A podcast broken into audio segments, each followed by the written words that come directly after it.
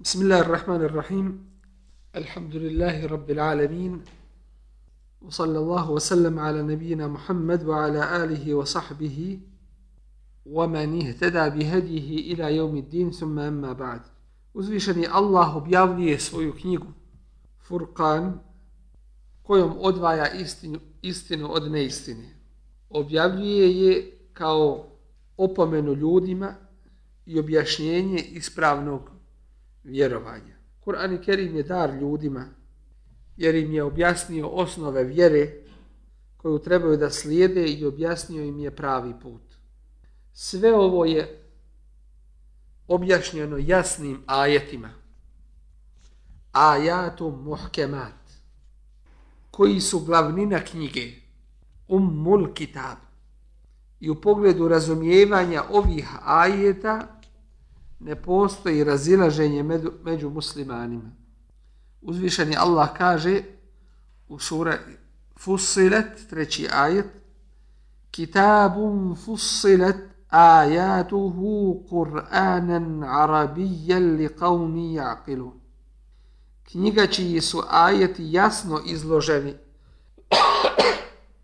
Kur'an na arapskom jeziku za ljude koji znaju. Osnove Islama naći ćemo da se na više mjesta ponavljaju u Kur'an Kerimu. I to različitim načinima i izrazima. Ali kada pogledamo na ta značenja, vidjet ćemo da se ona, da se ona svode na jedno. Ajeti liče jedni drugima i njihovo značenje se slaže. Nije u suprotnosti značenje jednih sa značenjima drugih ajeta. Pored toga što su spomenute Kur'an Kerimu osnove vjere, spomenuti su i ogranci vjere. Za osnove vjere kaže se usulu, din, osnovi i temelji vjere, a za ogranke se kaže furu od din. To jeste ogranci vjere koji proizilaze iz ovih samih osnova.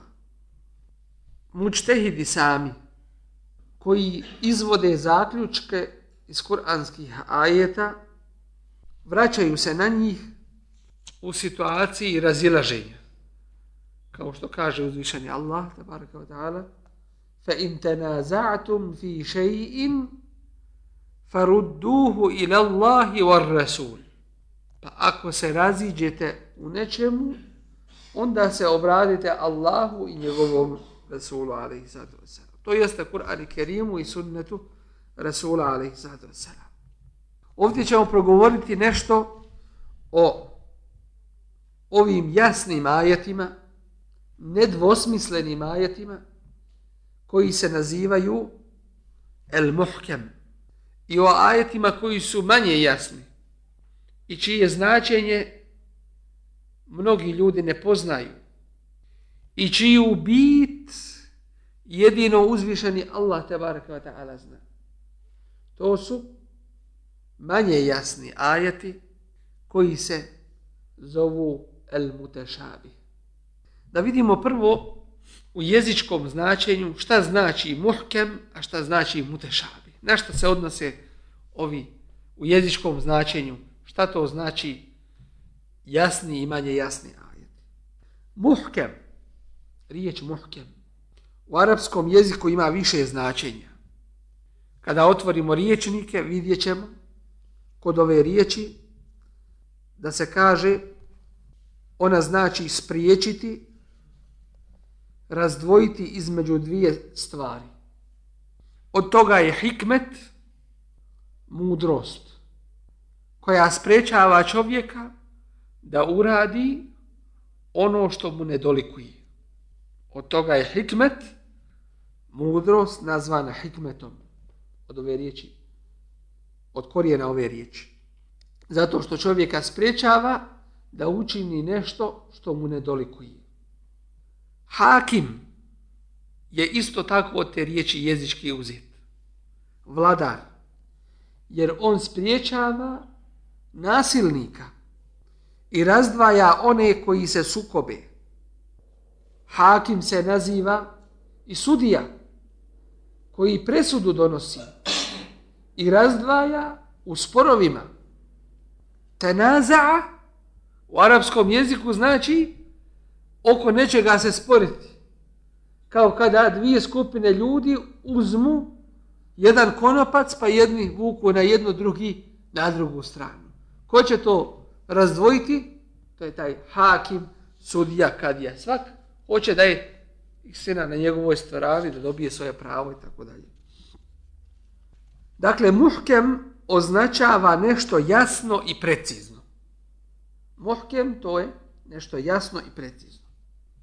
Kad kažemo za neki govor da je muhkem, ovaj govor je muhkem, to znači da on pravi razliku između istine i neistine. Odvaja, dakle, donosi presudu i kaže ovo je istina, ovo je neistina. A to je u osnovi riječi i mudrost, to je u osnovi i vlast i tako dalje. Allah uzvišeni opisujući Kur'an i Kerim u ovom jezičkom značenju kaže Elif lam ra kitabun uhkimet ajatuhu thumme fussilet min ledun hakimin habir ajeti iz sure Hud prvi i drugi ajet Elif lam ra kitabun uhkimet ajatu. To je knjiga, kitab, čiji su ajeti muhkem, svi ajeti muhkem, u značenju odvajaju istinu od neistine. Mudri ajeti. Ajeti koji spriječavaju neistinu i tako dalje. Dakle, cijeli Kur'an u ovome značenju je muhkem. Kod nas se prevodi knjiga, čiji se ajeti pomno nižu, koji su do u detalje razrađeni. Uh, ajatuhu. Ne ima u njima nikakvog nedostatka. Precizni. Thumme fussilet. Zatim su pojašnjeni, tefsil, objavljivani s vremena na vrijeme, ali su oni tačno u jednoj cijelini ugrađeni. Min ledun hakimin habir, od mudrog i sveznajućeg uzvišenog Allaha tabaraka ta'ala. I kaže u sura Yunus, prvi i drugi ajet, Elif lam ra tilke ajatul kitabil hakim. Ovo su ajeti mudre knjige. El hakim mudra. Muhkem.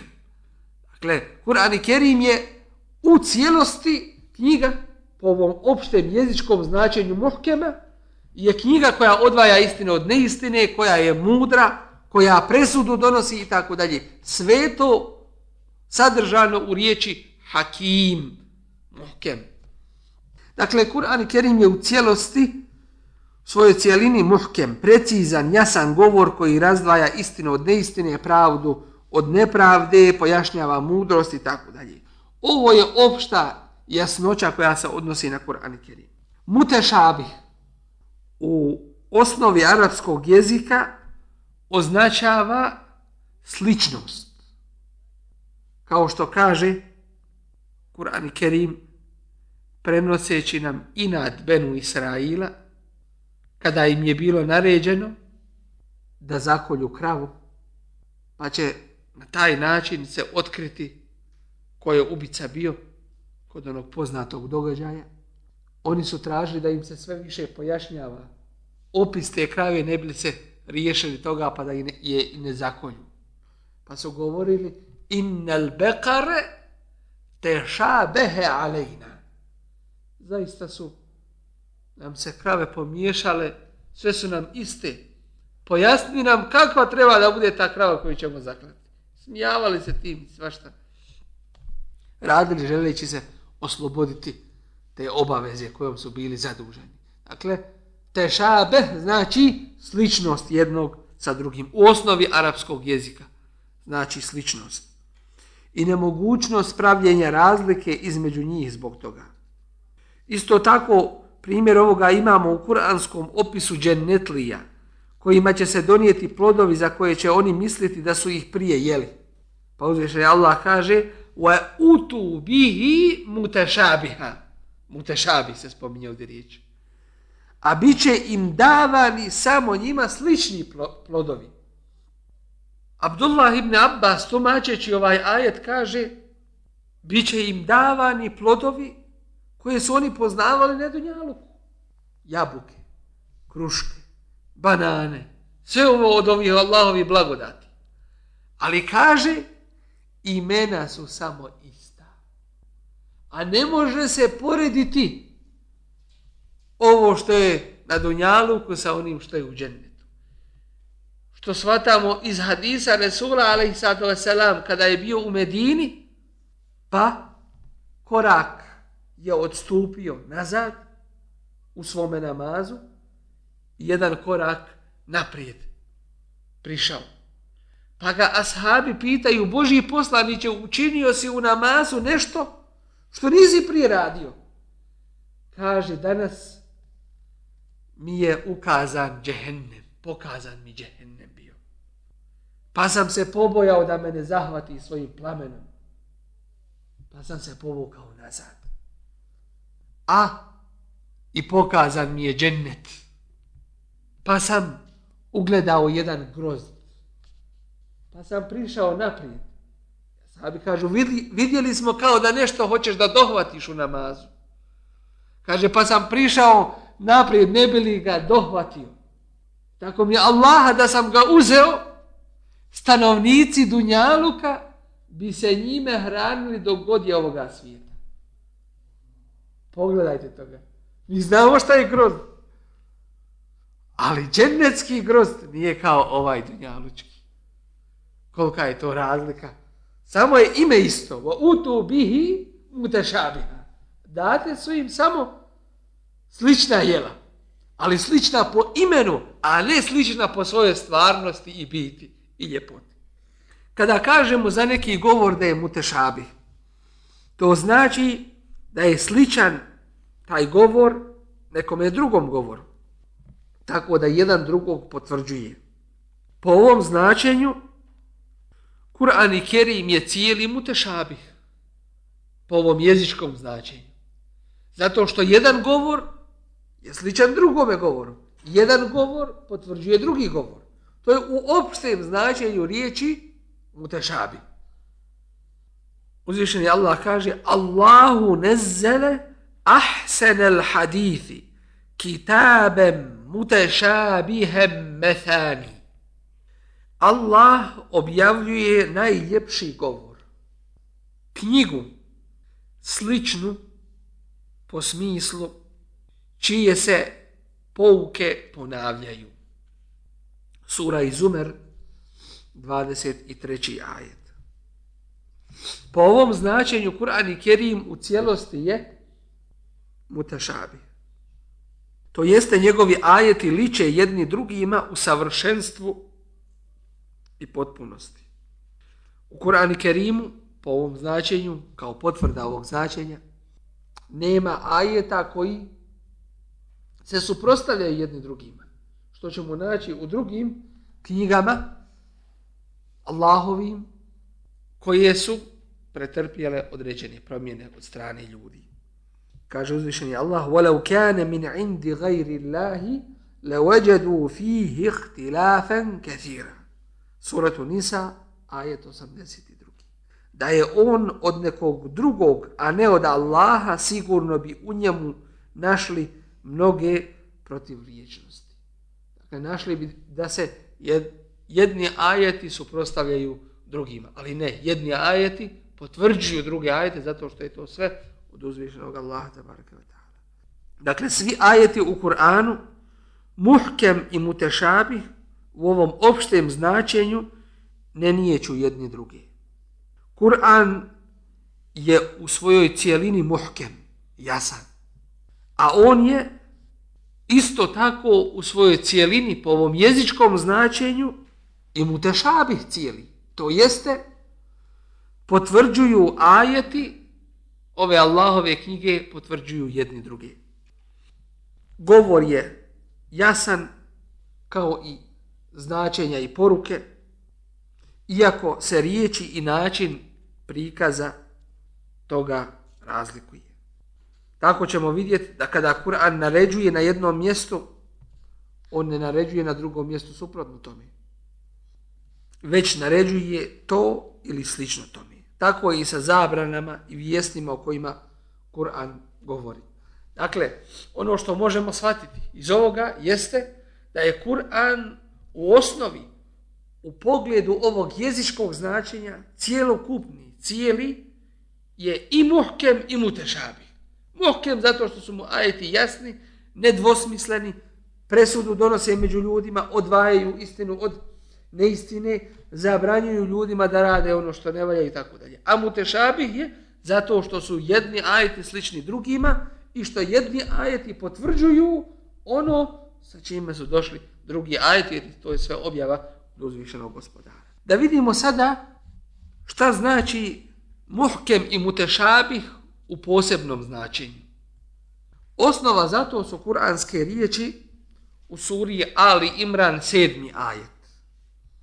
Pazite, ovaj ćemo sada kuranski ajet obraditi sa strane tefsira.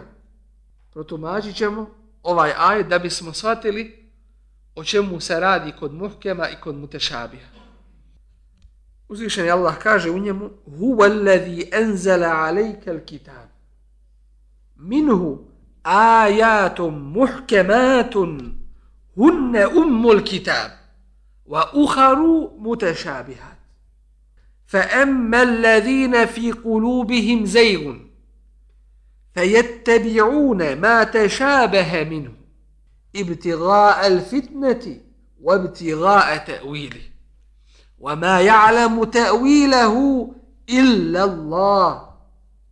والراسخون في العلم يقولون آمنا به كل من عند ربنا وما يذكر إلا أولو الألباب što u prijevodu značenja glasi on tebi objavljuje knjigu u njoj su ajeti jasni oni su glavnina knjige a drugi su manje jasni oni čija su srca pokvarena čijim srcima ima skretanje željni smutnji i svog tumačenja slijede one ajete što su manje jasni dakle pokušavaju se poigravati sa knjigom. a tumačenje njihovo zna samo Allah. Tumačenje tih ajeta manje jasni. A oni koji su dobro u nauku upućeni govore, mi vjerujemo u njih. Sve je od gospodara našeg. A samo razumom obdareni svačaju. U pogledu tumačenja ovog ajeta potrebno je da pojasnimo šta znači muhkem i mutešabih u posebnom smislu. Jer vidimo da nam u ovom kuranskom ajetu uzvišeni Allah kaže neki ajeti su manje jasni. Većina Kur'ana, to su jasni ajeti, muhkem. Ali ima ajeta koji su manje jasni, čije značenje samo zna Allah. Na šta se odnosi ova vrsta muhkema i ova vrsta mutešabija? Muhkem, možemo reći, da je to ono čije je značenje razumljivo u potpunosti iz ajeta. Dakle, kad proučimo ajet, razumijemo šta to znači. To može biti i ono čije se značenje može protumačiti samo na jedan način. To je druga vrsta muhkema. I treća vrsta, ono što je razumljivo samo po sebi. Tako da nije potrebno tražiti drugi dokaz za to. Dakle, da ponovim, muhkem u posebnom smislu i značenju se odnosi na troje. Prvo, ono čije je značenje razumljivo u potpunosti iz ajeta. Drugo, ono čije se značenje može protumačiti samo na jedan način. I treće, ono što je razumljivo samo po sebi. Dakle, nije mu potreba neki drugi delil, drugi dokaz da bismo ga razumijeli. Dakle, bilo da se to razumije odmah čim se pročita, bilo da je njegovo samo jedno značenje, nema drugoga, i bilo da se njegovo značenje razumije bez drugih dokaza. Sve se to odnosi na muhkem. Mutešabi. Šta znači u posebnom značenju? To je ono čije je značenje Allah zadržao kod sebe. Ne zna nikom mutešabi. To je jedno značenje ovoga mutešabi. Drugo značenje, ono čije se značenje može protumačiti na više načina. Pa je zato mutešabi u posebnom značenju. I treće, ono što nije razumljivo samo po sebi, tako da je potrebno tražiti drugi dokaz za to. Pa je i to mutešabih u posebnom smislu i u posebnom značenju. Dakle, da ponovimo opet. Mutešabi odnosi se na troje. Prvo, ono čije značenje zna samo Allah. Drugo, ono čije se značenje može protumačiti na više načina. I treće, ono što nije razumljivo samo po sebi, već mu treba neki drugi dokaz da bi se shvatilo. U muhkem ajete spadaju ajeti koji su derogirali druge ajete. Dakle, nasih, derogirajući ajeti. Te ajeti o halalu, haramu, naredbama, kaznama, prijetnjama i obećanjima. Kako ulema shvata mutešabih ajete? Kao što smo vidjeli da ima više mišljenja u pogledu značenja muhkema i mutešabiha u definiciji, u terminološkom značenju. Isto tako ćemo vidjeti da se i u tumačenju ovoga ajeta to primjećuje i primjenjuje. Kur'anske riječi وَرَّاسِهُونَ فِي الْعِلْمِ يَقُولُونَ Možemo ovaj ajet proučeni na dva načina protumačiti. Prvi način kada ga učimo, kažemo وَمَا يَعْلَمُ تَأْوِيلَهُ إِلَّا اللَّهِ Značenje tih ajeta ne zna niko drugi do uzvišeni Allah. I tu se stane. Zatim se dalje počinje وَالرَّاسِحُونَ فِي الْعِلْمِ يَقُولُونَ A oni čvrsti, duboki u znanju, učeni, govore Amen nabi, mi vjerujemo u njih, kullu min indi rabbina. U ovom je slučaju, ako protumačimo ovako ajet, dakle, te mutešabih ajete zna samo uzvišeni Allah. To znači da se ovo odnosi na mutešabih ajete čije značenje jedino zna uzvišeni Allah te baraka Po ovom tumačenju. Dakle, u Kur'anu imamo ajeta čije značenje, tih mutešabih ajeta, čije značenje zna samo Allah. Suštinu dženneta i džehennema. Početak ovih sura i tako dalje. Elif, la, mim, ha, mim i tako dalje. Ulema govori o tome, ali suštinu toga pravu jedino uzvišeni Allah te barek vata zna. Prvo mi, ovo mišljenje zastupa Ubej ibn Ka'b, ibn Mes'ud, ibn Abbas i drugi od ashaba, tabina i drugih. To dokazuju onim što prenosi El Hakim u svome mustedreku od Abdullah ibn Abbasa da je učio وَمَا يَعْلَمُ تَأْوِيلَهُ إِلَّا اللَّهُ وَيَقُولُ الرَّاسِخُونَ فِي الْعِلْمِ آمَنَّ بِهِ a tumačenje njihovo zna samo Allah i govore oni koji su dobro u nauku upućeni mi vjerujemo u njih.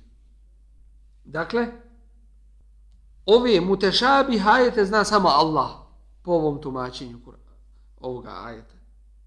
Kiraet i učenje Ibnu Mes'uda radijallahu anhu glasi وَإِن تَأْوِيلَهُ إِلَّا عِنْدَ اللَّهِ وَالرَّاسِخُونَ فِي الْعِلْمِ يَقُولُونَ آمَنَّا بِهِ Zaista je njihovo tumačenje samo kod Allaha.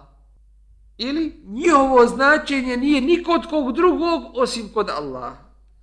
A oni koji su dobro u nauku upućeni govore mi vjerujemo u njih. ovaj ajet ukazuje na pokuđenost onih koji slijede ajete koji su manje jasni. Ajete čije značenje sa, samo zna uzvišeni Allah. Njih Kur'an opisuje kao one čija su srca skrenula i koji su željni smutnje. Prenosi se od Aiše radijallahu anha da je rekla, proučio je Resulullah sallallahu alaihi ve sellem ovaj ajet, huwa alladhi anzala alayka alkitab on tebi objavljuje knjigu sve do kuranskih riječi wama yadhakkaru illa ulul albab a samo razumom obdareni shvaćaju pa je rekao Resulullah sallallahu alejhi ve sellem kada vidiš one koji slijede manje jasne ajete oni su ti na koje je Allah ukazao pa ih se pripazi Dakle, u prvom značenju mutešabija, to jeste onih ajeta čije značenje sna samo jedino uzvišeni Allah. Kada ih budu slijedili oni koji, čija su srca bolesna, koji su skrenuli sa pravog puta, koji žele svoje neko tumačenje Kur'ana, pričuvajte ih se kao što kaže hadis Resulana Isa.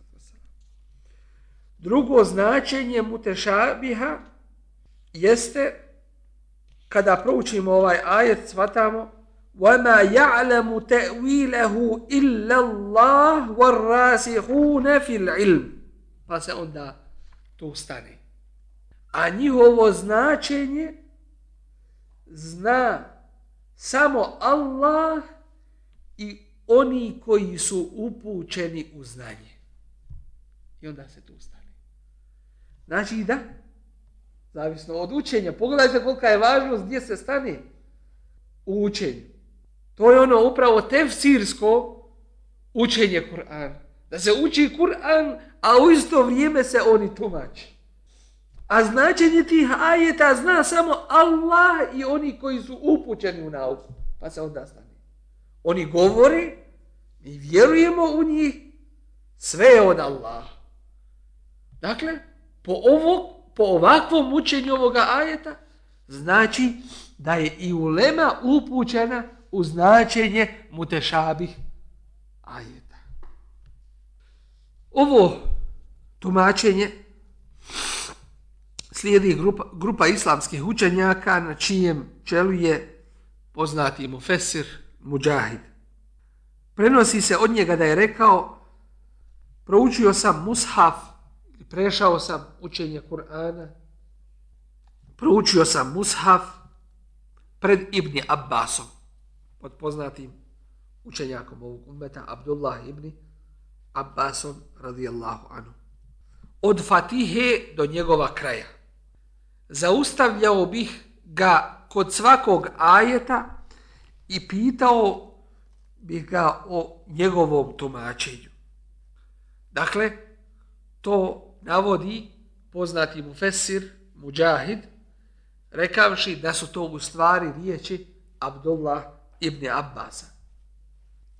Ove riječi prihvata i imam Ennevevi, te tumačeći muslima kaže, muslimovo, muslimovu zbirku hadisa, šerhu, šerhu sahih muslim, kaže, ovo mišljenje je tačnije, jer je neshvatljivo da se Allah obraća svojim robovima govorom kojeg ni jedan od njegovih stvorenja ne može spoznati. Jedno i drugo tumačenje ovog ajeta je utemeljeno. Ima svoje osnove. Po tome što kada smo govorili o mutešabih ajetima u posebnom značenju, rekli smo da ima ajeta čije suštinsko značenje, čiju bit poznaje jedino uzvišeni Allah. To ne znači da mi ne znamo taj ajet ili tu riječ, šta ona znači, ali bit toga zna jedino uzvišeni Allah. Dakle, i jedno i drugo mišljenje je prihvatljivo u svome značenju, to jeste ima ajeta čiju bit jedino uzvišeni Allah zna, a ima i ajeta koji ulema poznaje preko jezika, preko drugih nauka, či, čije tumačenje ulema poznaje. Da bi nam ovo bilo jasnije, moramo se vratiti na tumačenje kuranske riječi te'vil. Šta znači te'vil? Koji se spominje u ovome kuranskom ajetu. وَمَا يَعْلَمُ تَأْوِيلَهُ إِلَّا اللَّهُ Njegovo tumačenje mi kažemo, te'vil. Ali šta u jezičkom značenju nosi riječ te'vil? Kod nas se kaže protevilio Kur'an. Vraćajući se na značenje riječi te'vil, postaće nam jasno bit i suština ova dva mišljenja. Te'vil u jezičkom značenju znači prenošenje govora iz osnove na kojoj je postavljen na ono što je manje vjerovatno da, da se na to odnosi u osnovi riječi ali sa dokazom tako da je to značenje preneseno iz tog osnovnog značenja na ono drugo značenje manje vjerovatno ali je ono postalo prvobitno značenje zbog dokaza sa kojim smo došli. Mijenjanje, dakle, značenja riječi koje izgleda najvjerovatnije te na osnovu dokaza koji su povezani sa drugim značenjem određivanje novog značenja koje je u osnovi manje vjerovatno. Navešću vam prijem da ovo bude jasnije. Kaže se u kuranskom ajetu وَمَنْ كَانَ فِي هَذِهِ اَعْمَا فهو في الآخرة أعمى وأضل سبيلا To je tevil. Onaj ko bude slijep na ovome svijetu, to je u sura Isra, bit će slijep i na ahiretu. I zalutao. Na krivom će putu biti. U osnovi jezika, kada se kaže slijep, to je onaj koji nema očiju ili koji ne vidi na oči. To je slijepac. U ajitu se kaže ko je slijep na ovome svijetu, bit će i na ahiretu slijep. Sada mi uzimamo to značenje i prenosimo ga sa osnovnog značenja.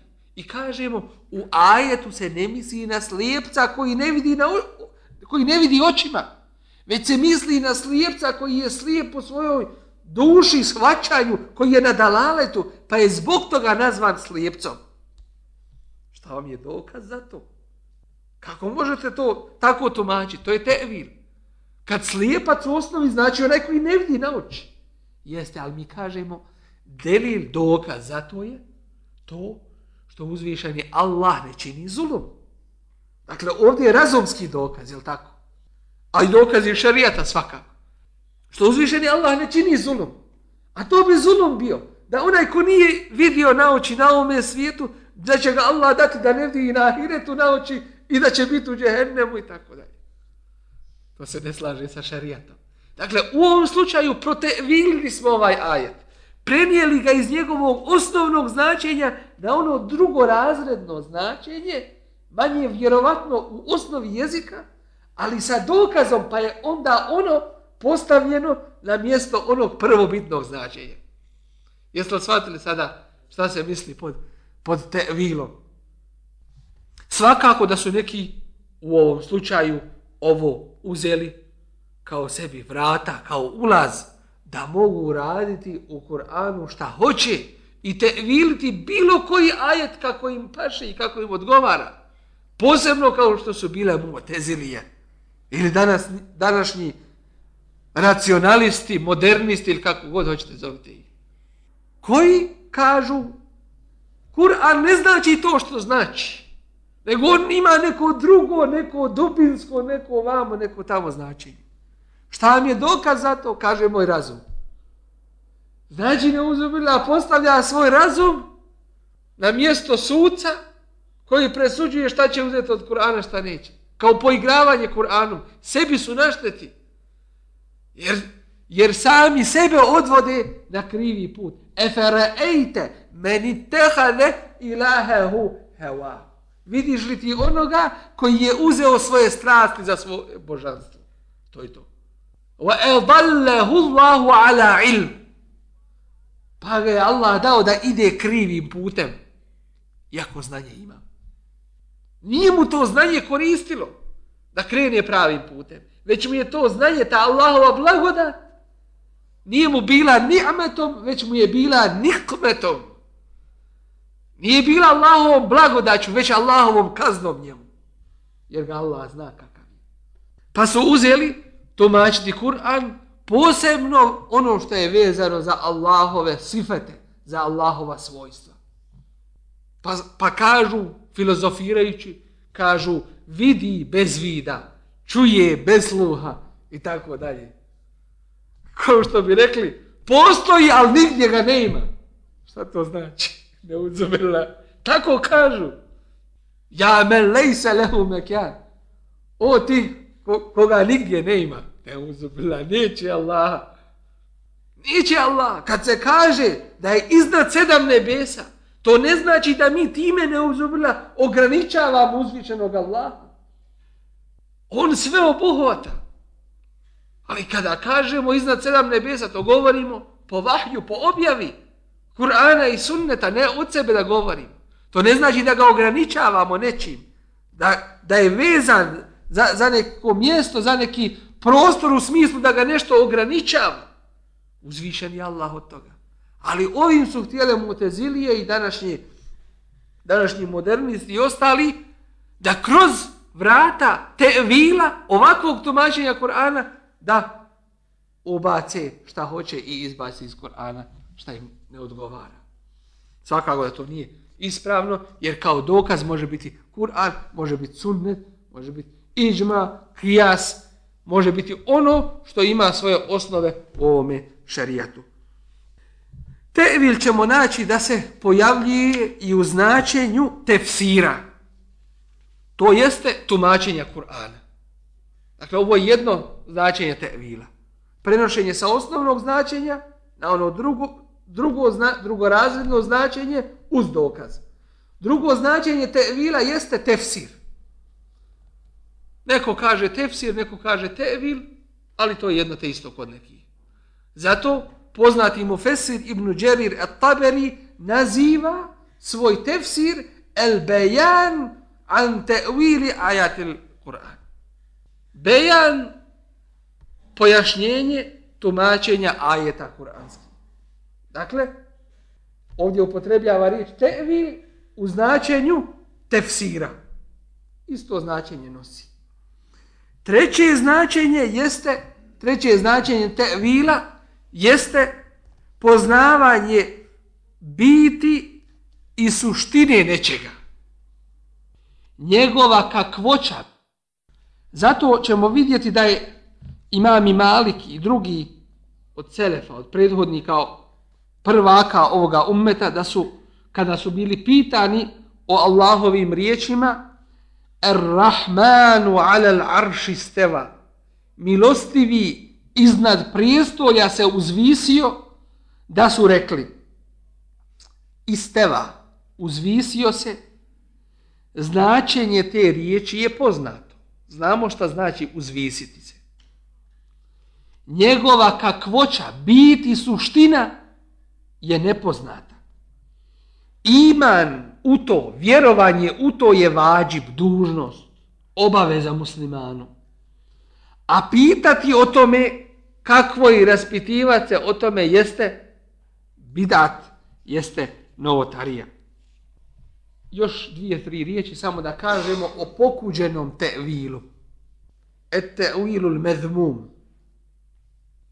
Naći ćemo one koji koriste ta drugorazredna značenja i prenose ih kao prioritetna značenja pod izgovorom svoga shvatanja tako razumskog dokaza tako dalje.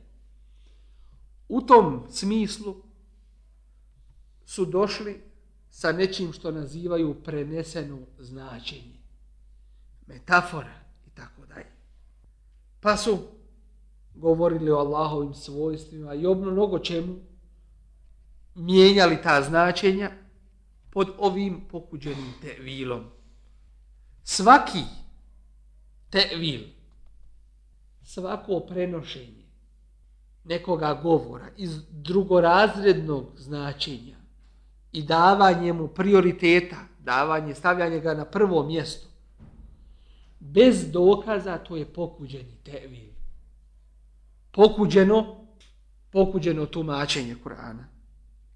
Po tome ćemo vidjeti da su mutezilije i druge tumačile, tumačile Allahovo lice, Allahova moć i tako dalje, eh, Allahovo lice, Allahova ruka i tako dalje, tumačili ga Allahovom moći, Allahovim znanjem i tako dalje. To je neispravan tevil. Pokuđeni tevil. Zašto? Zato što su tu uzeli svoj razumski dokaz koji nema osnovi. Rekli su, naš razum ne može da shvati da Allah ima ruku. Jer ga time upoređujemo sa čovjekom. Pa smo prispodobili Allaha čovjeku. A znamo da mu ništa nije slično. Mi kažemo, tešabuh je ili sličnost je u jezičkom izrazu. Kad nam Allah kaže da ima ruku i njegov Resul alaihi sallatu selam kaže da ima uzvišen Allah ruku, mi to prihvatamo. A s druge strane znamo da Allahove ruke nisu kao kao naše ruke. Da ne bismo sebe doveli u nijekanje Kur'ana i u nijekanje sahih hadisa priznajemo ono što je upravo riječi Malika i ostali, imam i Malika i ostali. Mi vjerujemo u to. Značenje toga znamo. Vjerujemo u to. Kakvoću toga, bit toga ne znam. A raspitivanje o tome je bidat, je novotarija koja nije dozvoljena. Ne znači to ako potvrdimo, kao što Kur'an potvrđi, uzvišenje uzvišenog Allaha iznad Arša, da on posjeduje ruku i tako dalje, ne znači to da ga automatski prispodobljavamo kome? Njegovim stvorenjima. Ne. Već ništa uzvišenom Allahu nije slično, ali vjerujemo ono što je objavljeno, kako hoću, ne poznajemo, a pitanje o tome je novotarija i ono sa čime nije došao ni Boži poslanik, ali sato selam, ni njegovi ashabi. Svatajući ovakva značenja, tevila, tefsira, mutešabiha i muhkema, puno ćemo sebi, inša Allah, olakšati u tumačenju Kur'ana Kerima, u shvatanju mnogih ajeta i u, da, u, u strajnosti i kretanjem i idenju pravim putem, time što nećemo potpasti pod razne tevile i kriva tumačenja koja su došla od sekti koje su se udaljele od pravog. Molim uzvišnog Allah te baraka wa ta'ala da nas pomogne u razumijevanju njegove knjige i da nam olakša rad po tome. Amin. Ja Rekao je uzvišeni Allah subhanahu wa ta'ala Elif la mim Ova knjiga u kojoj nema nikakve sumnje upusto je svima onima koji se Allaha budu bojali. Onima koji u nevidljivi svijet budu vjerovali i molitu obavljali i udjeljivali dio od onoga što i mi budemo davali. I onima koji budu vjerovali u ono što se objavljuje tebi i ono što je objavljeno prije tebe. I onima koji u onaj svijet budu čvrsto vjerovali. Njima će gospodar njihov na pravi put ukazati i oni će ostvariti ono što žele. Bismillahirrahmanirrahim. الحمد لله رب العالمين وصلى الله وسلم على نبينا محمد وعلى آله وصحبه ومن اهتدى بهديه إلى يوم الدين ثم أما بعد Jedna od vrlo važnih tema koje se izučavaju u naukama o Kur'an i Kerimu, ulumul Kur'an, koje se nazivaju, jeste i pitanje en nasih wal mansuh derogirajući nasih i derogiranih mensuh ajeta. Propisi uzvišenog Allaha koji je slao preko svojih poslanika imali su za cilj da isprave kod ljudi njihovo vjerovanje, njihovo međusobno obhođenje sa ljudima i da ih poguće ispravnim ibadetima. Vjerovanje, kao što znamo, uvijek je bilo isto, nepromjenjivo i uvijek je bila jedna vjera u jednog gospodara i sa takvim vjerovanjem su dolazili svi Allahovi poslanici. Kaže, kaže uzvišeni Allah وَمَا أَرْسَلْنَا مِنْ قَبْلِكَ مِنْ رَسُولٍ إِلَّا نُوحِي إِلَيْهِ أَنَّهُ لَا إِلَهَ إِلَّا أَنَا فَعْبُدُونَ Suratul Anbiya 25. ajet. Prije tebe nismo ni jednog poslanika poslali, a da mu nismo objavili nema Boga osim mene, zato meni robujte, kaže uzvišeni Allah. Ibadeti i međusobno obhođenje među ljudima odgajaju ljudsku dušu, čuvaju čistu zajednicu i povezuju ljude u skladan odnos bratstva međusobnog.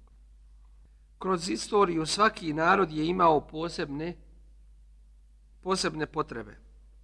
Ono što je odgovaralo jednom narodu u njegovom vremenu nije odgovaralo narodu u drugom vremenu.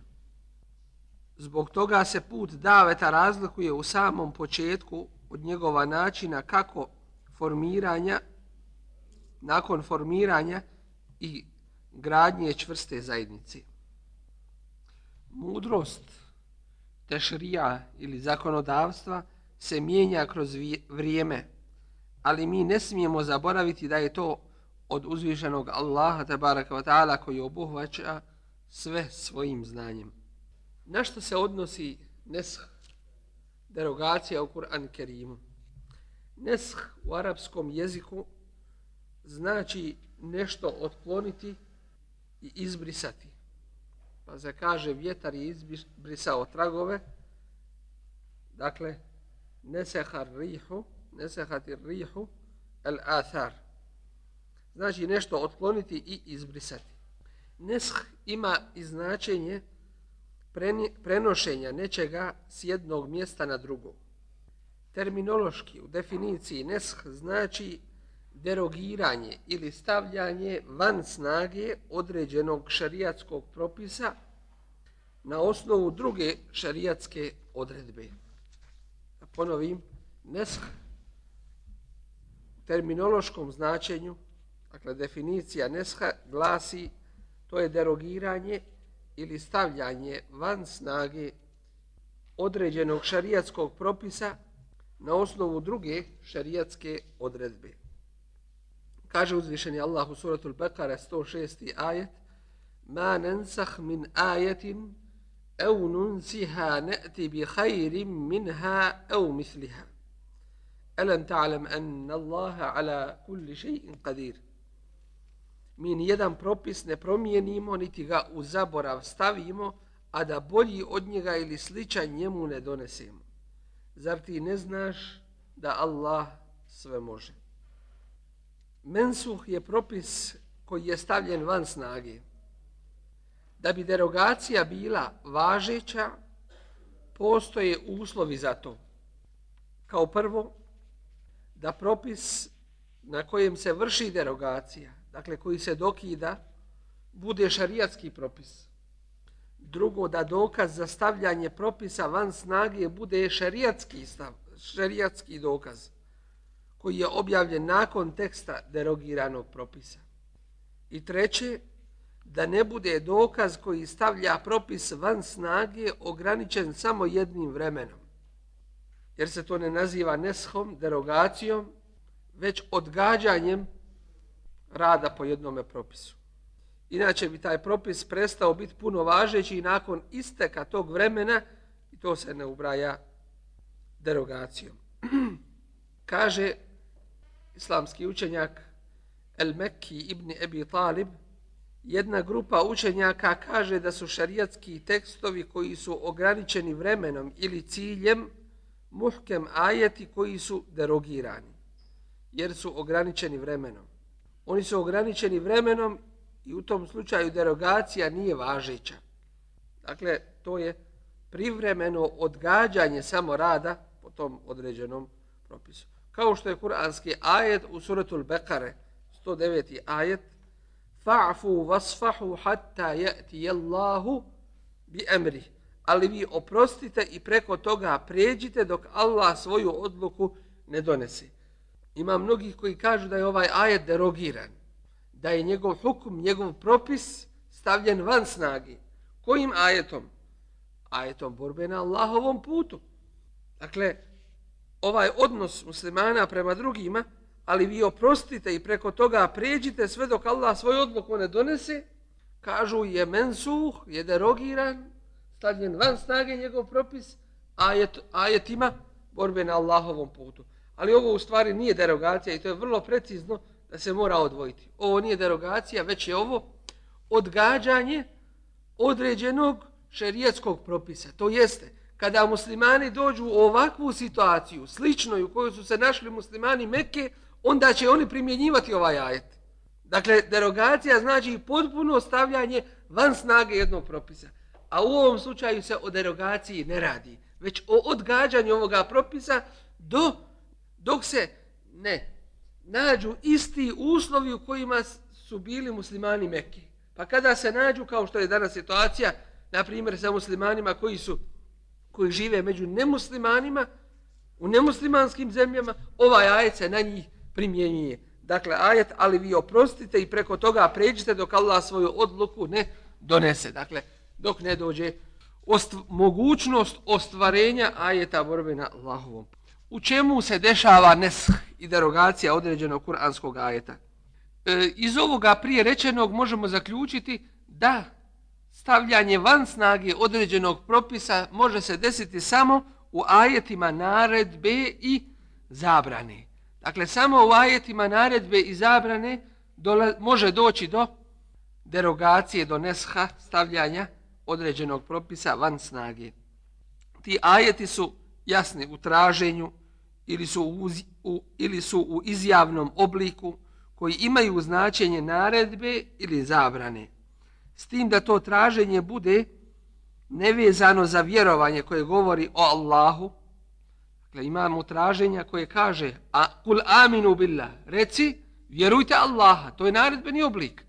Ali da li to se ubraja u ovu vrstu? Ne ubraja svakako, jer je ovo od pitanja akide vjerovanja, rekli smo za akidu da je ona jedan kontinuitet, da je ona od prvog čovjeka do posljednjeg ista. Dakle, akida se ne mijenja. Zatim, naredba vjerovanja u Allahova, svojstva, Allahove knjige, poslanike, sudnji dan, moral, naredbe o moralnim osobinama, naredbe moralnih osobina, naredbe o osnovama ibadeta i međuljudskim odnosima, jer se na tim temeljima zasnivaju svi Allahovi zakoni.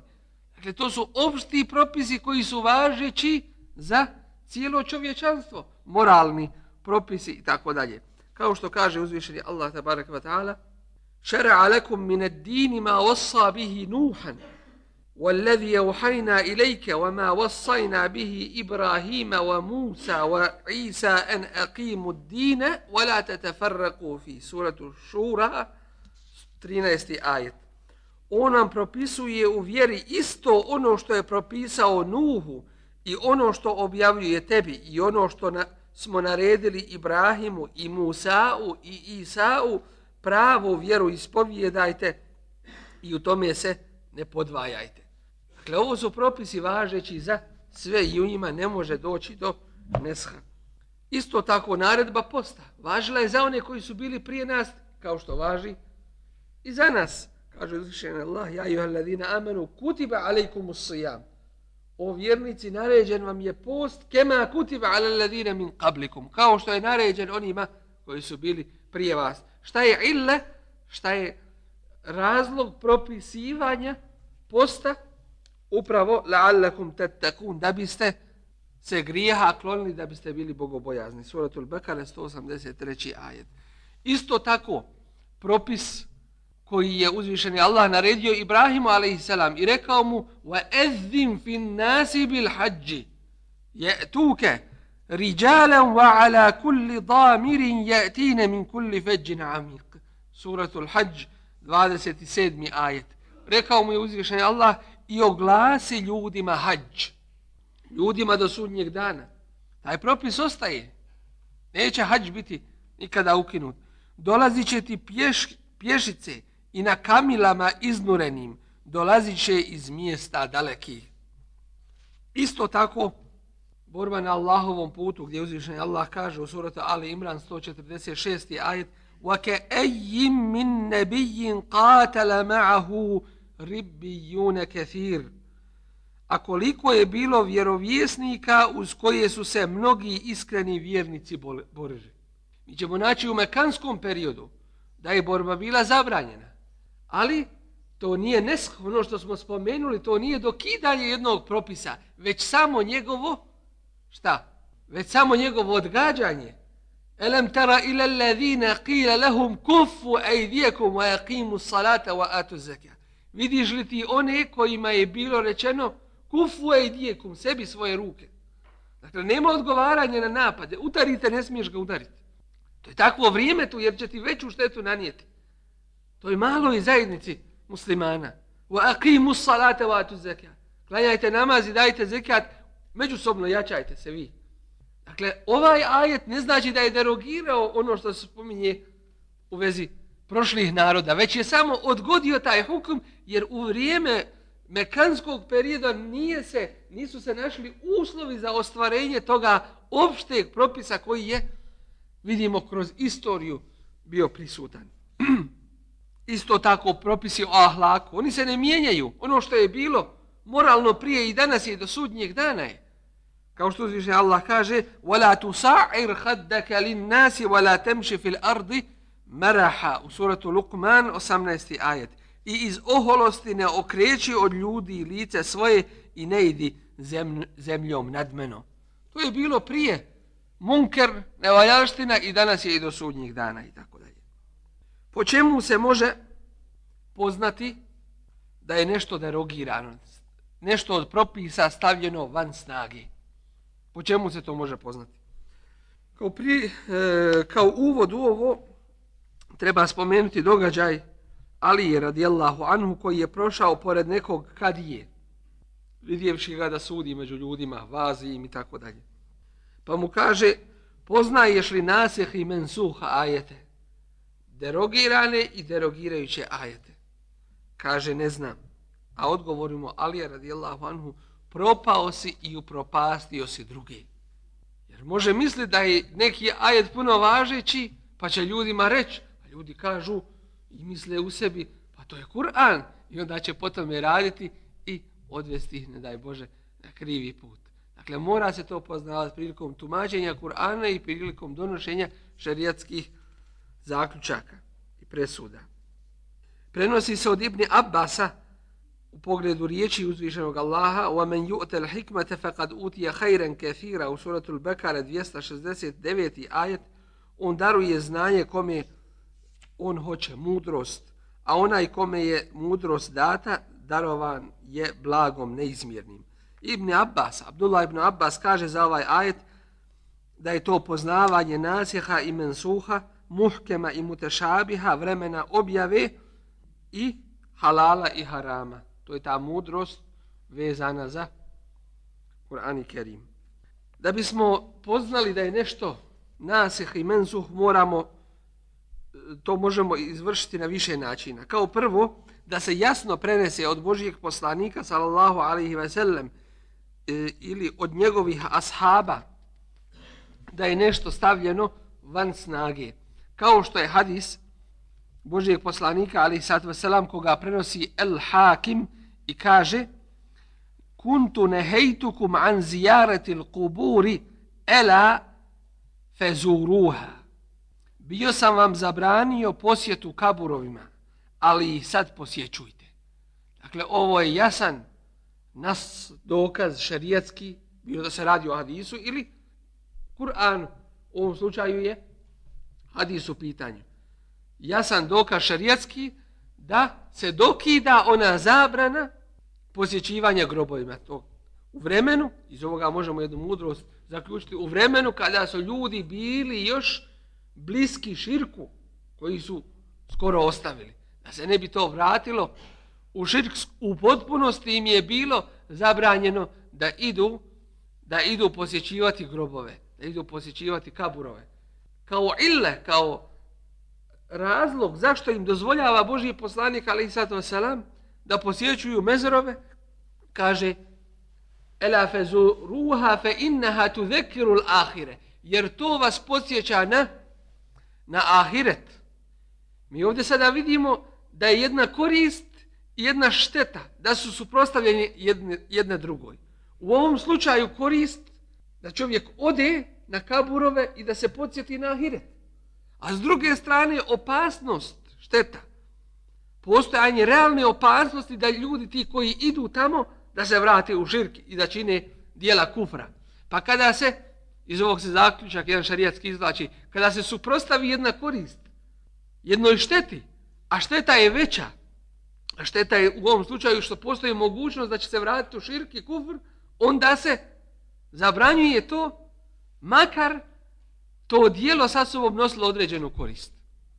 Kao drugo slaganje islamskog ummeta da je određeni propis mensuh, da je derogiran. To je iđma ummeta da je nešto derogirano. A znamo da se ovaj ummet neće složiti na, na dalaletu, kao što to prenosi Ebu Davud, Ibnu Mađe i Tirmizi. La teđtemi u ummeti ala dalale. Moj ummet se neće složiti na dalaletu. Treće, poznavanje vremena objavljivanja propisa. Koji propisa? Koji je prvi, a koji zadnji objavljen?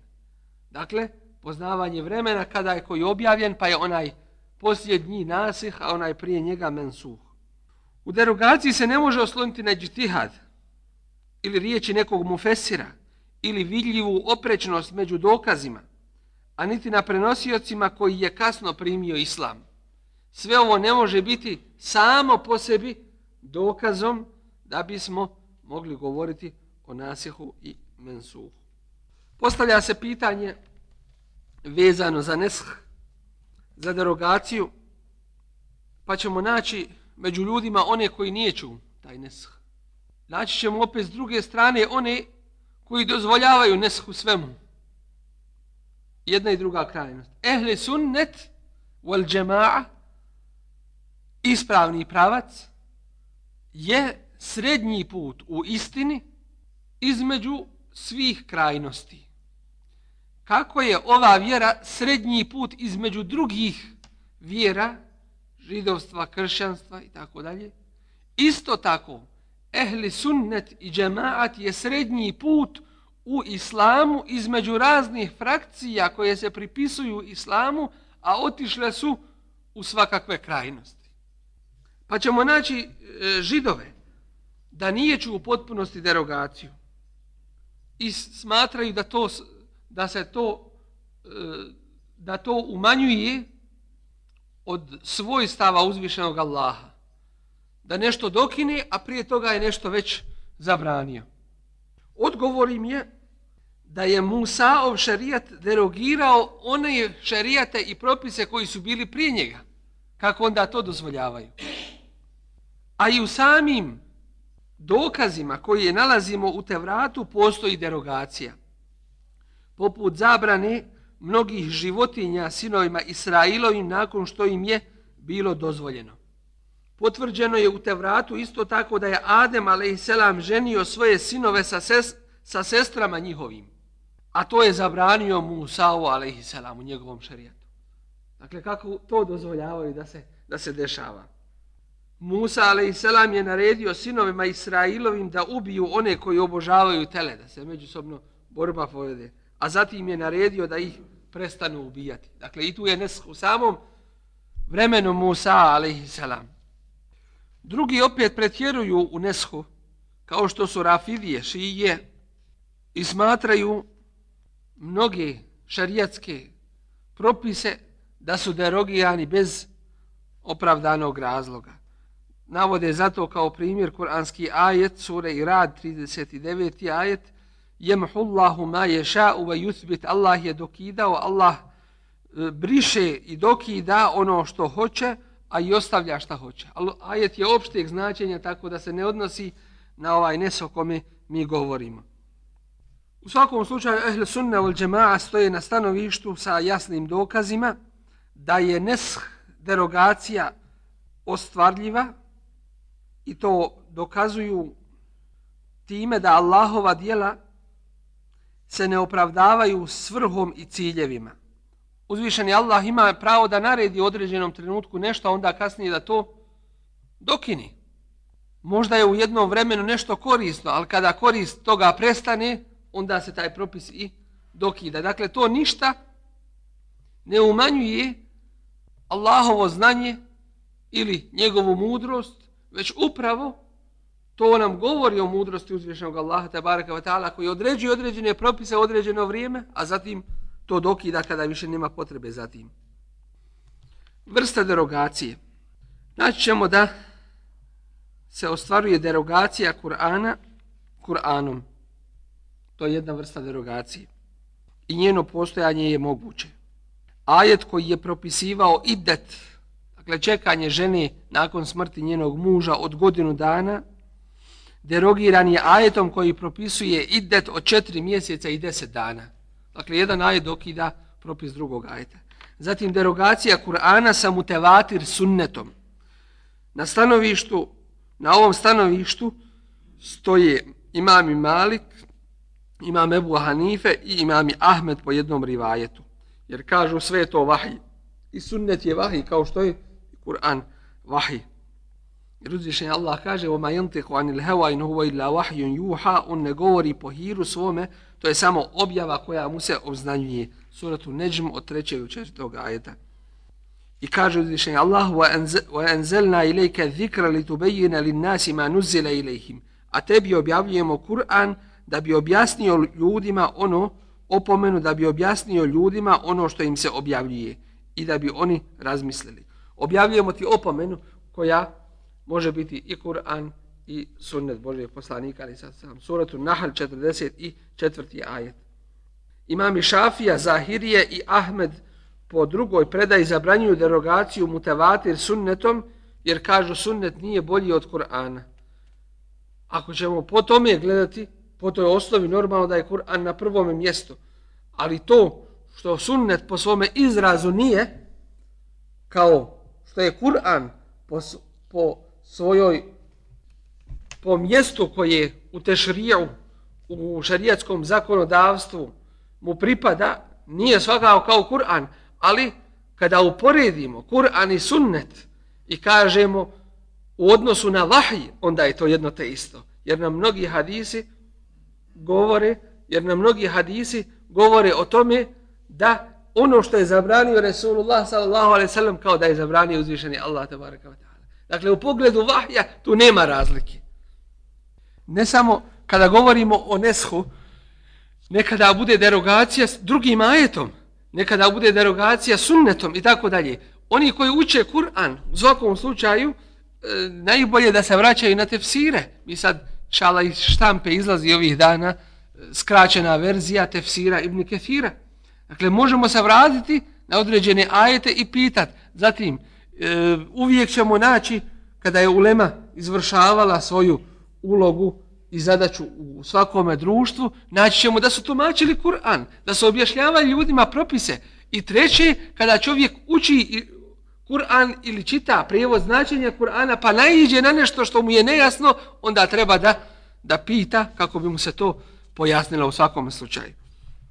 Tako da mi sada u prevodima nećemo naći, ili kad učimo Kur'an, nećemo naći, pored ajeta da piše ovaj ajet je derogiran, ali to nalazimo u tefsirima vrlo jasno. Derogacija sunneta sa Kur'anom. Svakako da je moguća i na tome mišljenju stoji većina uleme. Kao što je bilo okretanje prema Bejtul Maqdisu na početku Islama ili za vrijeme mekanskog perioda, muslimani sa Resulullahom sallallahu alaihi sallam klanjali su namaz okrenuti prema Bejtul Maqdisu. U Mekki kad su bili. Kako? Boži poslanik alaihi sallatu wasalam bi prošao sa one strane Kjabe da klanja tako da mu dođe Kjaba i Bejtul Maqdis u istome pravcu. Ali kada je došao u Medinu to nije bilo moguće. Jer je Bejtul Maqdis skroz na suprotnoj strani od strane Mekke.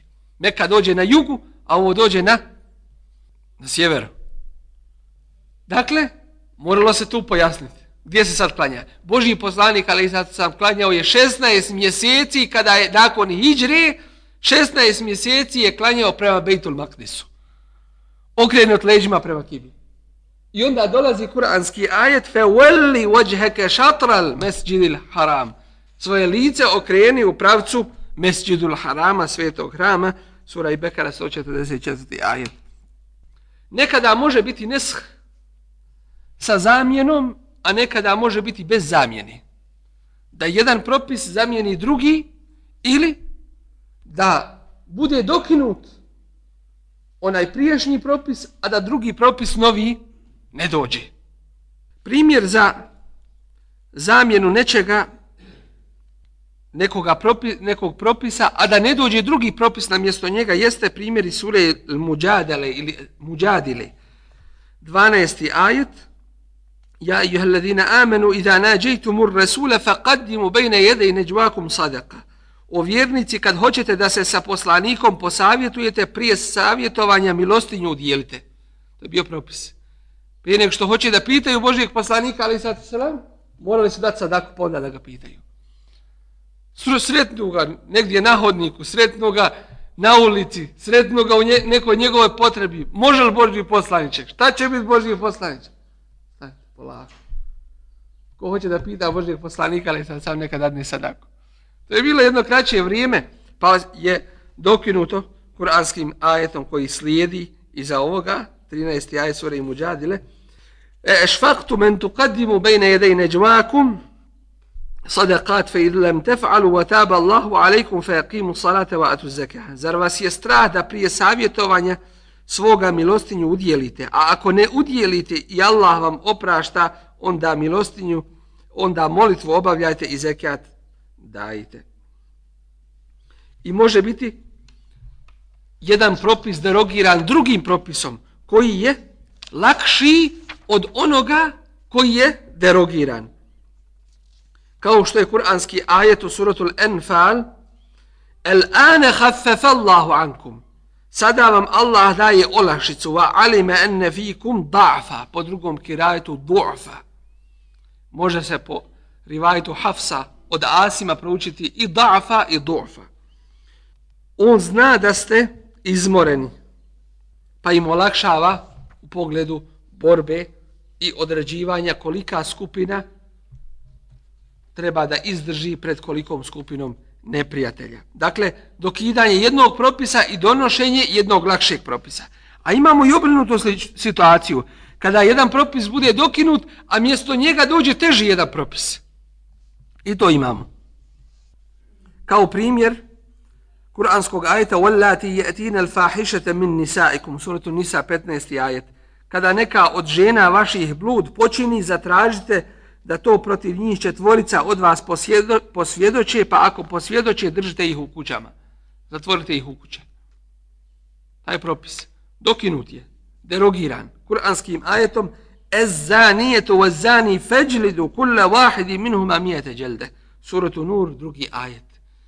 Bludnicu i bludnika izbičujte sa stotinu udaraca bića svakog od njih.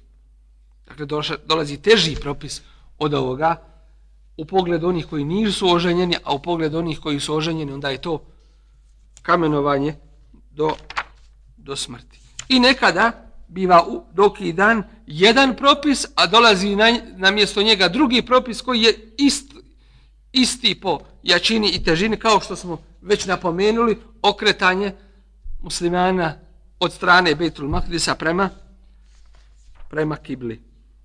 Koje su mudrosti koje možemo zaključiti iz derogacije? Mudrosti su mnogi. Kao prvo, da vidimo kakvu je olakšicu uzvišeni Allah tabaraka wa ta'ala nama dao kao ummetu, u čemu su bili i na kakvim propisima su bili oni prije nas, prve generacije, prva generacija ovog ummeta, pa da zahvaljujemo uzvišenom Allahu na olakšanju koje nam je dao. Ili nekada dođe teži propis, pa da vidimo kako je ta zabrana iš, išla postepeno, i kako se radilo da bismo neke stvari mogli u kontekstu toga analogijom prema tome mogli u davetu raditi. Vezano za vezano za zabranu na primjer alkohola početku se govori o njegovim štetnostima, onda te kasnije najstrožija zabrana i tako dalje. Dakle, ukazuje nam na principe daveta. E, isto tako ostaje učenje toga ajeta do sudnjeg dana da bismo ibadet na taj način činili učenjem Kur'ana i tako dalje. Progovorit ćemo nekoliko riječi o i'đazu. Šta je to i'đaz? I na šta se sve odnosi i gdje se pojavljuje? Ađz u arapskom jeziku znači nemoć, gubljenje snagi. Od toga je riječ ađuz, starac, koji nema snage koju je nekada imao. Iađaz u kuranskim naukama znači pokazivanje istinitosti poslanika. U njegovoj tvrdnji da je poslanik putem nemoći onih koji su izazvani da dođu sa nečim sličnim njegovoj nadnaravnoj pojavi, mođizi. Dakle, možemo zaključiti da je mođiza dijelo koje, kojim se ljudima upućuje izazov da dođu sa nečim sličnim, a nije mu moguće da se neko suprostavi. To je mođiza. Znamo da su mođize davane Božim poslanicima iz one oblasti koju su ljudi najbolje poznavali ili prepoznavali da bi im to bilo dokazom da prime islam. Pa kao što je bilo u vrijeme, spominjemo, u vrijeme koga? U vrijeme Musa a.s. štap, u vrijeme Isa a.s. izlječenje gubavca, slijepca, oživljenje mrtvog i tako dalje. Kod nekih poslanika izlazi deva iz iz kamena i tako dalje. Dakle, iz onih oblasti koje su ljudi u to vrijeme najbolje poznavali. Takvi ćemo muđiza vidjeti i kod Božijeg poslanika, ali i sato sada. Arapi vrlo dobro znaju u pustinji šta znači voda. Život. Voda je jednako život. Kad izgubi vodu, znači jednako smrt. Kad im dođe Boži poslanik, ali sato selam, I kaže, donesite mi jednu posudu i stavi svoju mubare kruku u tu posudu i ashab kaže gledali smo kako mu voda izvire između prstiju. Zar to nije muđiza tome tim ljudima? Kada bi kopali ne znam koliko u zemlju, nema vode. Ali kada to vide svojim očima, ljudi koji ima voda znači život, to je za njih muđiza koju vide svojim očima. Primaju islam. Kada idu pustinjom, znaju šta znači za njih mjesec i znaju se orijentisati prema mjesecu i znaju vrijeme koliko je sati prema mjesecu i njegovom položaju. Dakle, orijentišu se prema njemu. A kada dođe čovjek, Allahov poslanik, i Allahovom odredbom taj mjesec se prepolovi, znači da ima neko veći od toga mjeseca koji njim upravljate uzvišen je Allah koji je dao to čudo svojem poslaniku. I ljudi su to vjerovali. I na desetine takvih je bilo muđiza koje su sastavljene u posebne knjige koje govore o isbatu nubuvetin nebiji sallallahu alaihi wasallam koje govore o potvrdi poslanstva Božijeg poslanika sallallahu alaihi sallam. dolaze kasnije generacije ovo je posljednja Allahova objava uzvišeni Allah hoće da dadne ljudima do sudnjeg dana nešto što će uvijek biti pred njima muđizom kao da gledaju Musaov alaihissalam štab, kao da gledaju oživljavanje, oživljavanje mrtvi, kao da gledaju kako voda izvire između prsti u Božijeg poslanika alaihissalam. Kako je to moguće? Moguće je ovom knjigom. Kur'an i Kerim. Muđiza koja je racionalne prirode umne prirode. I zato Kur'an kaže efe la yatadabbarun al-Kur'an. Ukoravajući čovečanstvo. Zar ne razmišljaju o Kur'anu? Tedebur nije samo razmišljanje. Tedebur je uzimanje pouka, zaključaka i mnogo tih značenja koja, koje nosi sa sobom ova riječ. I zato generacije poslije Resula a.s. u ovoj knjizi vide to muđizu. Vide to čudo. I ona se ogleda u više na više polja.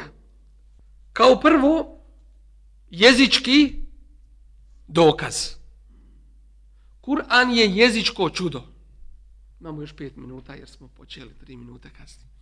Kur'an je jezičko čudo kojim uzvišeni Allah izaziva tu generaciju ljudi, a samim tim i sve one koji dolaze poslije.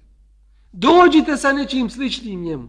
Dođite sa deset sura sličnih njemu. Dođite sa jednom surom sličnom njemu i na kraju do, dođite sa jednom surom min misli. Bilo čega sličnog njemu. E tako ne možete iz svega sličnog doći sa jednom surom bilo čega sličnog. Ovom je Kur'an. I nisu mogli. Mi znamo iz njihove prirode, kad bi im neko napao na čast, njihovu ličnu, vadili bi sablje i ratove godinama vodili. Pisali su na stotine kasi, kasida, stihova na hiljade, kojima su svoje neprijatelje nastojali da ocrne, jer to je u to vrijeme bilo sredstvo informisanja ljudi. I koga bi oni ponizili, taj više nije smio se pred ljudima pojaviti. Od stida. Džahilijet. Koga bi oni pohvalili tu, taj je išao gordo među ljudima kao da leti na krilima. Zato kad je ona došla delegacija Beduina, Božnijem poslaniku, ali i sad sam u Medinu, i kažu mu, o Mohamed, neodgojeni, treba ih te kućit. O Mohamed, izađi pred nas. Jer častan je onaj i ponosan onaj koga mi uzdignemo u svojim stihovima, a ponižen onaj koga mi ponizimo. A on im kaže poslanički, odgojno, to radi uzvišeni Allah. Dakle, koga Allah ponizi, taj je ponižen. Koga Allah uzdigne, taj je uzdignu. To vi ne radite. Odmah ih uči akidi. I šta se dešavalo? Kada im je bilo rečeno, dođite sa jednom surom sličnom. Onda su otišli na ono teže, a ostavili ono lakše. Ostavili su da kažu, hajmo se svi sakupiti, pa da napišemo nešto slično Kur'anu, pa da mu se suprostavimo. Nisu to uradili. Nego šta se desilo? Rekli su Sahir, onaj koji koji opsihruje ljude, onaj koji ih opčara. Zašto su to rekli? Zašto su to rekli? To je rekao El Velid ibn al-Mugaj, El Velid ibn al-Mughira. Bio je najbogatiji čovjek. To je otec Halid ibn Velida. Najbogatiji čovjek među svojim narodom. Ugledan. I poslali su ga Božijem poslaniku, ali i sato. Da razgovara sa njim. Resulullah, ali sad sam ga saslušao i kaže mu, jesi li završio ti? Kaže, jesam. Poslušaj sada ti mene. I proučimo i vi pročitajte značenja ajeta sa početka sure Fusilet. Značenja koja brda zatresaju. Kada su vidjeli Velid ibn Mugiru da se vraća mušicima, kažu ovaj se vraća sa drugačijim licem nego što je otišao. Nekakva se promjena desila u njemu. Pa im onda on kaže, čujte ljudi, ja sam čuo i prozu, čuo sam i stih. čuo sam sve što ljudi govori, ali ovo nije ništa od toga što ljudi govore, ovo je nešto iznad, ovo se ne može oponažati. Znate šta su izmislili protiv njega? Kažu, potplatio te Muhammed. Znaš šta ćemo mi uraditi? Kažu mu, da bi ga što više ponizili. Mi ćemo svi sakupiti i metka pa ćemo ti dati. On bog, bogat, on drugima daje. Ali da bi ga što više u tome ponizili. Kaže, tako mi Allaha, meni ne treba to. I onda Kur'an to spominje. Innehu fekar. on je uzeo razmišljat mugire. Fekadar. I zaključio. Fekutile kejfe kaddar. Proklet bio kako je zaključio. Thumme kutile kejfe kaddar. Zatim proklet bio kako je zaključio. Thumme edber, zatim se okrenao. Vestekbar. فكر وقدر فقتل كيف قدر ثم قتل كيف قدر ثم نظر zatim je pogledao ثم ادبر zatim se okrenuo ثم ادبر واستكبر i uzoholio se. Fa kale in hada uh, wa besar i namrštio se. Pogledajte, on se bori protiv svoje prirode. On zna da nešto nije tako. Ali hoće nešto da izmisli što nije istina. Namrštio se, okrenuo se, ne zna šta će više sa sebe. Fe kale in hada illa sihrun yu'thar. Pa reče, ovo ništa drugo ne može biti osim čarolija koja ima uticaja na ljude. Ima, već i o njihovim precima koji su nazvani da su sufeha, da su ludaci zato što su kipove obožavali. I to se radi o njihovim kipovima koje one obožavaju i za koje misle da ih oni hrane i daju im na faku. Da žive od tih kipova i od onoga što im ljudi donose održavajući te kipove i tako dalje. Pa su uzeli za oružje da se bore. Ostavili ono lakše, uzeli za ono teže.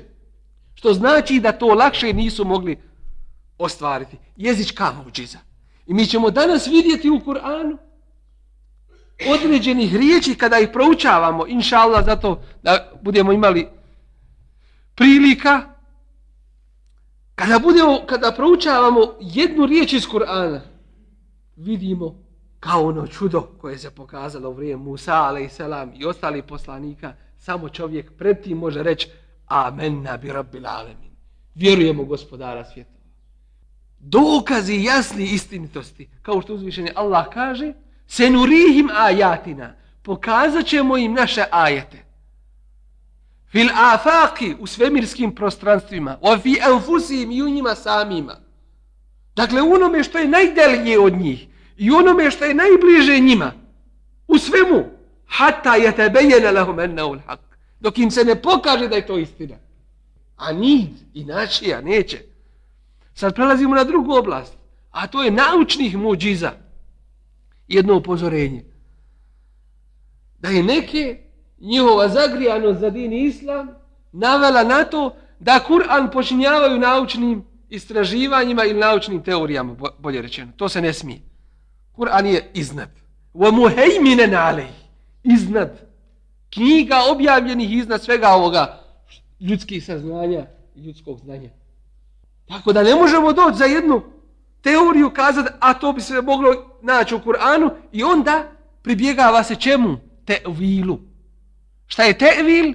To je prenošenje jednog značenja sa njegovog osnovnog značenja na ono drugo razredno. E sada je tu raskrsnica. Ako donesemo pravilan dokaz, onda je to tevil prihvaćen. A ako nemamo dokaza, onda je to tevil odbačen i pokuđen tevil. Ovi kažu, prenosimo značenje kuranske riječi s njenog osnovnog značenja na ono drugorazredno, a šta mi je dokaz? Dokaz mi je naučna teorija, moj razum, to nije. To ne može biti. Mi ćemo s druge strane naći da u Kur'anu ima da u Kur'anu ima tih naučnih muđiza. Kao, navešu vam samo neke primjere. وَسَّمَاءَ بَنَيْنَهَا بِأَيْدٍ وَإِنَّا لَمُسِعُونَ I nebo mi smo stvorili snagom, u ovom, u ovom slučaju se ne govori o Allahovom svojstvu ruke, nego bi ejdin snagom wa inna le musiun. I mi ga širimo. Širenje neba, kosmosa, govori o tome. Wa arsalna ar-riyaha lawaqiha. I, I poslali smo vjetrove koji oplođuju.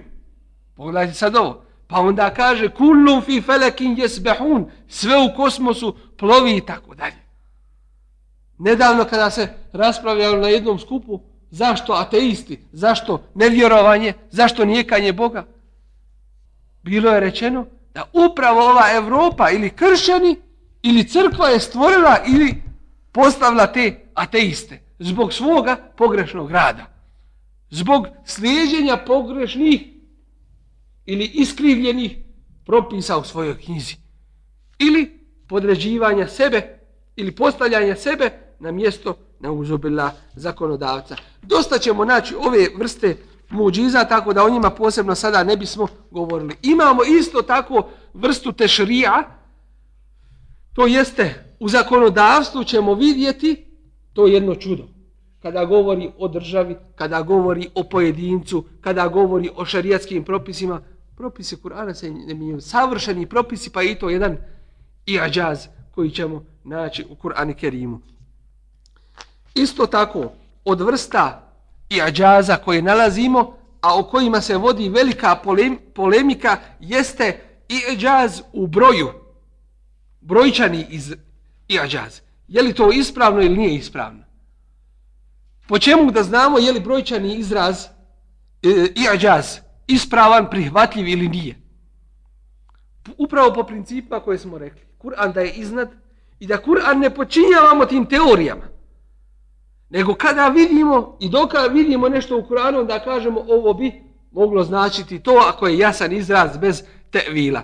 Naprimjer, mi ćemo vidjeti danas kad proučavamo el huruful muqatta, harfove koji se nalaze na početku sura.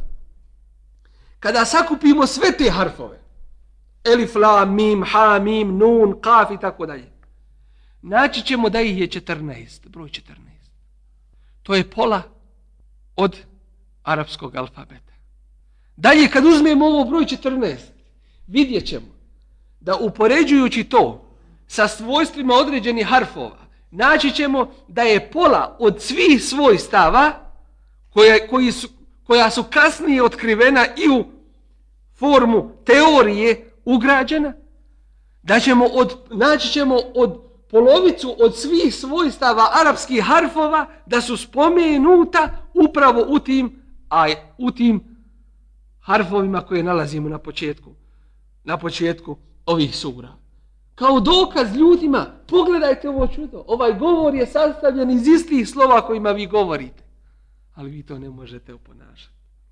Brojčani i ađaz treba da znamo isto e, i za minutu završavamo jednu, da poznajemo u pogledu ovoga isto ono pravilo. A to je da je Kur'an iznad muhejmin i da Kur'an ne prilagođavamo teorijama. Ali ćemo zasigurno naći u Kur'an i Kerimu čuda ove vrste.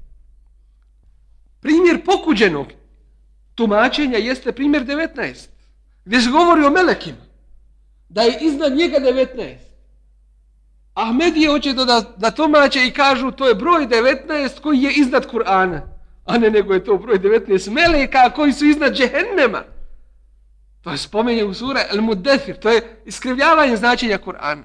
Ali ne smeta da nađemo u Kur'anu nešto od ove vrste. Na primjer, kada se proučava, ja vam prenosim ono što je što sam e, sa interneta izvadio tako da nisam provjeravao. Ali je podložno provjeri u svakom slučaju da vidimo nešto od ove vrste brojčanog i ađaza. Na internetu što je e, na adresi Delilul Muhtedin spomenuto. Na primjer, kada gledamo koliko je puta Dunja, Dunjaluk spomenut, vidjet ćemo da se spominje 115 puta. A Ahiret se spominje isto tako 115 puta. Tačnost. Meleki spominju se 88 puta. Šeitani 88 puta. Hayat, život 145 puta. Smrt 145 puta. Ragbe i rehbe po 8 puta. Zastrašivanje i podsticanje na nešto. Po osam puta. El džehr el, an, el alanije. Nešto javno i nešto tajno raditi po 16 puta. To jeste ono što čovjek radi, što bi se moglo shvatiti, što radi tajno, treba da bude ovaj, eh, ono što radi javno, da je kao i ono tajno. Dakle, da se ne razlikuje tajnost od javnosti. To ne znači da radi grijeh, javno, ako ga već, ne daj Bože, ako je već tim iskušan, već da ne radi grijehe kada se sakrije od ljudi, da je svjestan da ga Allah to prati. Šehr, mjesec, pominje se 12 puta i tako dalje.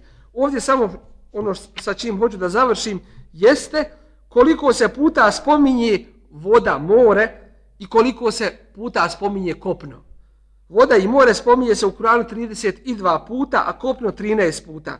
Kada to uzmemo, E, skup toga, dakle 45 puta, e, 45 puta 100%, dobit ćemo rezultat od 71,1 i više tih jedinica.